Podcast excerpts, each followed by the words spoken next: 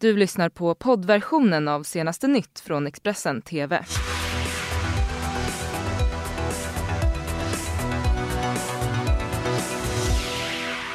Det är söndag den 17 november och det här är våra rubriker just nu. Man allvarligt stickskadad försökte stoppa inbrottstjuvar. Efter SDs rekordsiffror står intervju med Jimmy Åkesson om partiets framgång. Och nattklubbsprofil misstänkt för flera våldtäkter.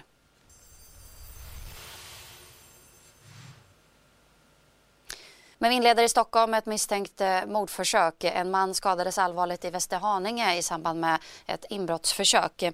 Det var vid 22-tiden igår kväll som polisen fick in ett larm om att en man i 35-årsåldern blivit huggen med något vasst föremål när han försökte hindra två män från att göra ett inbrott. Mannen har fått allvarliga stickskador och polisen har nu inlett en förundersökning om mordförsök. Enligt Tove Hägg, presstalsperson vid polisen i Stockholm, så ska två misstänkta gärningsmän ha sett sig lämna platsen i en personbil. Ingen person är i nuläget gripen. Nästa vecka så är det dags för Sverigedemokraterna att ha sina landsdagar och inför det så har vi träffat partiledaren Jimmy Åkesson för en lång intervju. För Expressens Carolina Skoglund berättar nu Åkesson om partiets framgångar men även om den negativa bilden av partiet som han nu anser att de tvättat bort. Men framgången har ju varit att vi har adresserat problem som människor upplever på riktigt och som de andra partierna inte har sett eller velat erkänna och definitivt helst inte velat prata om. Eh, och därför har vi kunnat växa. Eh, och det är klart att eh, när SD bildades en gång i tiden så var ju syftet att göra just det. Sen hände det saker på 90-talet som gjorde att partiet egentligen blev någonting annat och som gjorde att vi fick en ja, vi, vi blev en väldigt dålig bild av, av vårt parti som vi har fått leva med och jobba med under väldigt många år. Och det är klart att det har varit en viktig del i framgången det här att vi har satt ner foten mot ideologiska avvikelser och byggt trovärdighet kring det som de flesta väljare idag köper, eller väldigt många väljare i alla fall. Och det har ju kanske varit det allra viktigaste för oss någonstans. Förtjänade ni den där bilden som partiet hade där? delvis, delvis eh, gjorde vi det. Eh, för man gjorde misstag, strategiska misstag. Eh, man brydde sig inte om, om gränsdragningar mot extremism och sånt under en period på 90-talet. Eh, men eh, med det sagt så är ju också liksom bilden av partiets historia är ju väldigt... Den är mer komplex än vad man kanske får ser i debatten, om man uttrycker det så. Det är väldigt lätt att komma med svepande kritik kring partiet och sådär. Och mycket av den kritiken är fullt berättigad men allt som påstås är inte sant. Eh, någon gång, nu, jag tycker inte att det är viktigt egentligen idag, eh, och, och liksom balansera den bilden därför att ja, jag erkänner att vi, det gjordes misstag och det är egentligen det som, som vi har jobbat med sedan dess.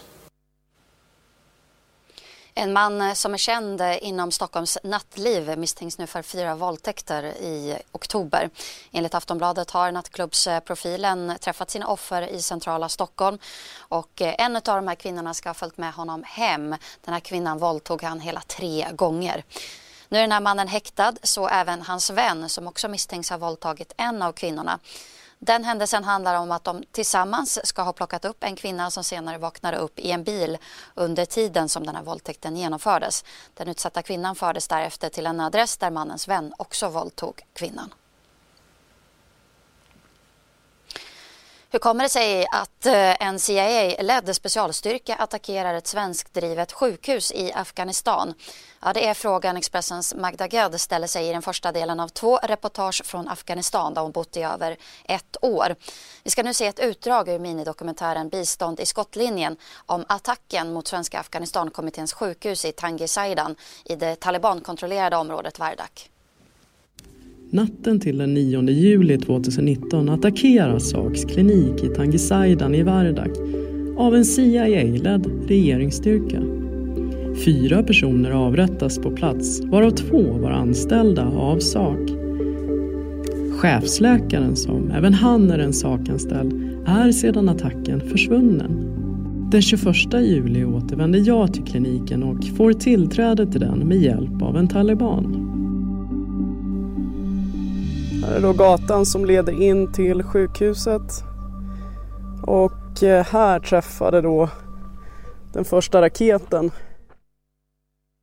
chefsläkaren som varit bortförd i över 13 dagar kommer då tillbaka och berättar att det var underrättelsetjänsten som fängslade honom och att han släpptes fri igår. De satte på honom en huva och förde bort honom i en helikopter till det han beskriver som en amerikansk militärbas. Minst två av de soldater som attackerade sjukhuset var, enligt läkaren, amerikaner. På den amerikanska basen där han fängslades anklagade underrättelsetjänsten honom för att tillhöra Haqqani-nätverket. En extra hård förgren av talibaner som har anknytningar till al-Qaida. Han sa, jag är bara läkare. Och här eh, kom regeringsstyrkor då in och sköt. Eh, så det vi ser på väggarna här då det är hål efter skjutning. Och eh, här också. Och det låg ju kvinnor inlagda här då när det här hände så det var tre kvinnor här som blev skadade då i den här skottlossningen. Även här på själva sjukhussängen så kan man se då hål, skotthål. همونو خبره و دا څه لوستو چې یو دم دا ور وشو راکټ د وتاکم د سری لمبې تو شو د سری لمبې ایزان تکینول یو درې نفر هغه و یو ګوډ و یو ډاکټر و یو بل پایواز و دا دیسه امگیز شهیدان رو است در آجل تدلیم سمبول کرد ولی کار خپلو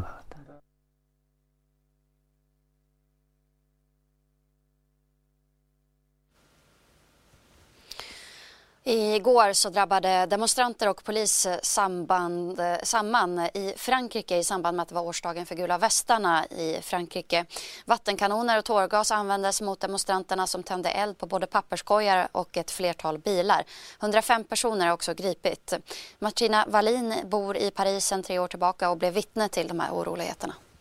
Tårgasen eh, kom ju in i lägenheten till och med. för att vi bor så pass eh, centralt att eh, ja, vi hörde explosionerna och eh, ja, så blev vi drabbade. Och sen var vi nyfikna nog att gå ut och titta och det är polispådrag eh, utav bara, ja. Så att eh, man får hålla sig hemma ikväll. Ja men det förstår jag och det har ju det här som sagt det är inte första gången som Gula Västarna är ute och demonstrerar på Paris gator. Men du som ändå bott där ett tag, har du sett någon skillnad? Hur har det varit idag jämfört med tidigare, ser, som du ser det? Nu hörde jag inte riktigt, eh, men, eh, men det här med att det är gula västar, de är, de är inte gula västar längre. Alltså de, eh, har, de kamouflerar sig, det är masker och, och det, mm, det är lite obehagligt och det enda man tänker är det värsta. Liksom.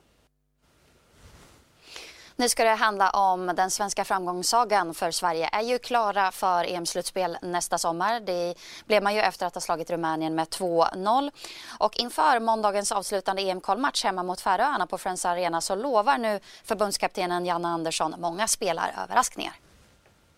Vi fokuserar på det sportsliga då, Ni har eh, klar, eh, tagit er till ett andra raka mästerskap nu här under din ledning och det är ju väldigt många av de här spelarna som är ute och spelar i de stora ligorna i Europa och sådär och, och, du har plockat in några unga spelare till den här samlingen. Hur känner du att det här landslaget och svensk fotboll mår? Ja, alltså svensk fotboll vet jag inte om jag ska uttala mig, men om man pratar landslagsfotbollen för vår del så känns det, som jag uttryckte igår också, jäkligt kittlande. Jag, jag tycker att vi har en en stabilitet och en struktur i hur vi spelar och sen så en väldigt stor flexibilitet eh, i hur vi kan hantera matcher på olika sätt. Och det visar de här tre sista matcherna tycker jag är så tydligt. Liksom Malta är ett sätt att spela, Spanien är ett sätt att spela, nu Rumänien ett tredje sätt att spela på och att spelarna hanterar det så bra som de gör. Så just den grunden som vi har att stå på tillsammans, där, där känner jag mig väldigt trygg. Sen är det ju så att det är ett ett antal spelare, precis som du beskriver, nya unga spelare som har kommit och trycker på rejält här nu. Och, och, och några av dem kommer få spela på måndag. För jag, jag tänker använda matchen på måndag till, till, att spela de spelare som inte har spelat så mycket innan. Eftersom eh, det är bara tävlingsmatch och det är en tävlingsmatch nu som vi ska vinna. Det är inte så att jag underskattar matchen på något sätt men däremot så får jag se ett antal andra spelare som får komma ut och visa upp sig och, och eh, kommer vara sugna som tusan på att göra det. Och det är flera av de här unga nya spelarna som kommer spela på måndag och det ska bli jätteroligt.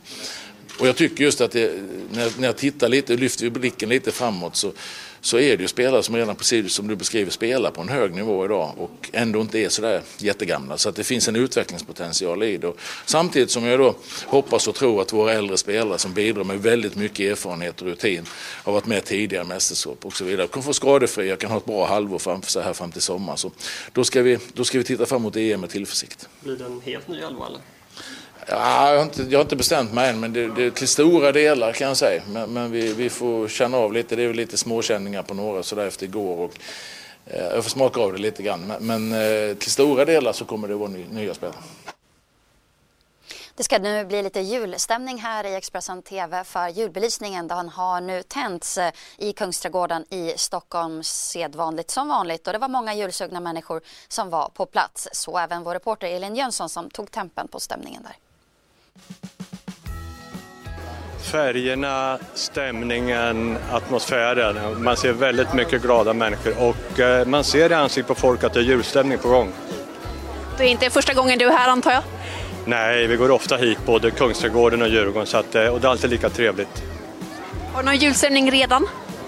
Ja, det tycker jag allt. Jag har, jo, faktiskt, jag har inte varit på till julmat än, men stämningen börjar på infinna sig, både i stort och smått. Men det är framförallt ljuset och färgerna tycker jag som ger så mycket. Får du julkänsla när du ser det här? Ja, julkänslan! Längtar du till jul? Ja! Härligt. Och berätta, vad tycker du är mysigast med att vara och se det här? Det är just den här stämningen med ljusen, eh, att i den här mörka årstiden känna att nu finns det hopp. Jag vet inte, jag är glad att det är lite tidigt den första advent faktiskt. Har du julstämning? Ja, det tycker jag. Det tycker jag. Ja, men det blir lite en annan stämning. Eh, man blir lite mer förberedd vad som komma skall. Ja, alla, alla de här djuren, granarna, det är så här, älskar julen. Hur firar ni jul då? Hemma. Lugnt och mysigt med bara mys. Bara så att man kopplar av. Mm. Massa god mat. Hemma, eh, Stockholm, eh, Roslagen, eh, nära och kära. Eh, inte allt för mycket, inte allt för lite, väldigt mycket lagom tycker jag. Vi åker till mormor och morfar på Gotland. Gör vi. Jul! Fira jul, ja. Vad önskar du dig i julklapp då? Eh, jag vill ha en jättestor bil! En bil som man kan åka i? Ja!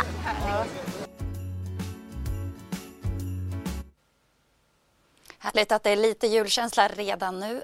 Senare idag så kommer också vår reporter som ni såg i inslaget också att besöka NKs julskyltning i Stockholm. Missa inte det. Fler nyheter alldeles strax här i Expressen TV. Du har lyssnat på poddversionen av senaste nytt från Expressen TV. Till förordnad ansvarig utgivare är Klas Granström. Ett poddtips från Podplay. I podden Något Kaiko garanterar östgötarna Brutti och jag, Davva, dig en stor dos skratt. Där följer jag pladask för köttätandet igen. Man är lite som en jävla vampyr. Man har fått lite blodsmak och då måste man ha mer. Udda spaningar, fängslande anekdoter och en och annan arg rant. Jag måste ha mitt kaffe på morgonen för annars är jag ingen trevlig människa. Då är du ingen trevlig människa, punkt. Något Kaiko, hör du på Podplay. Därför arkadeinerna.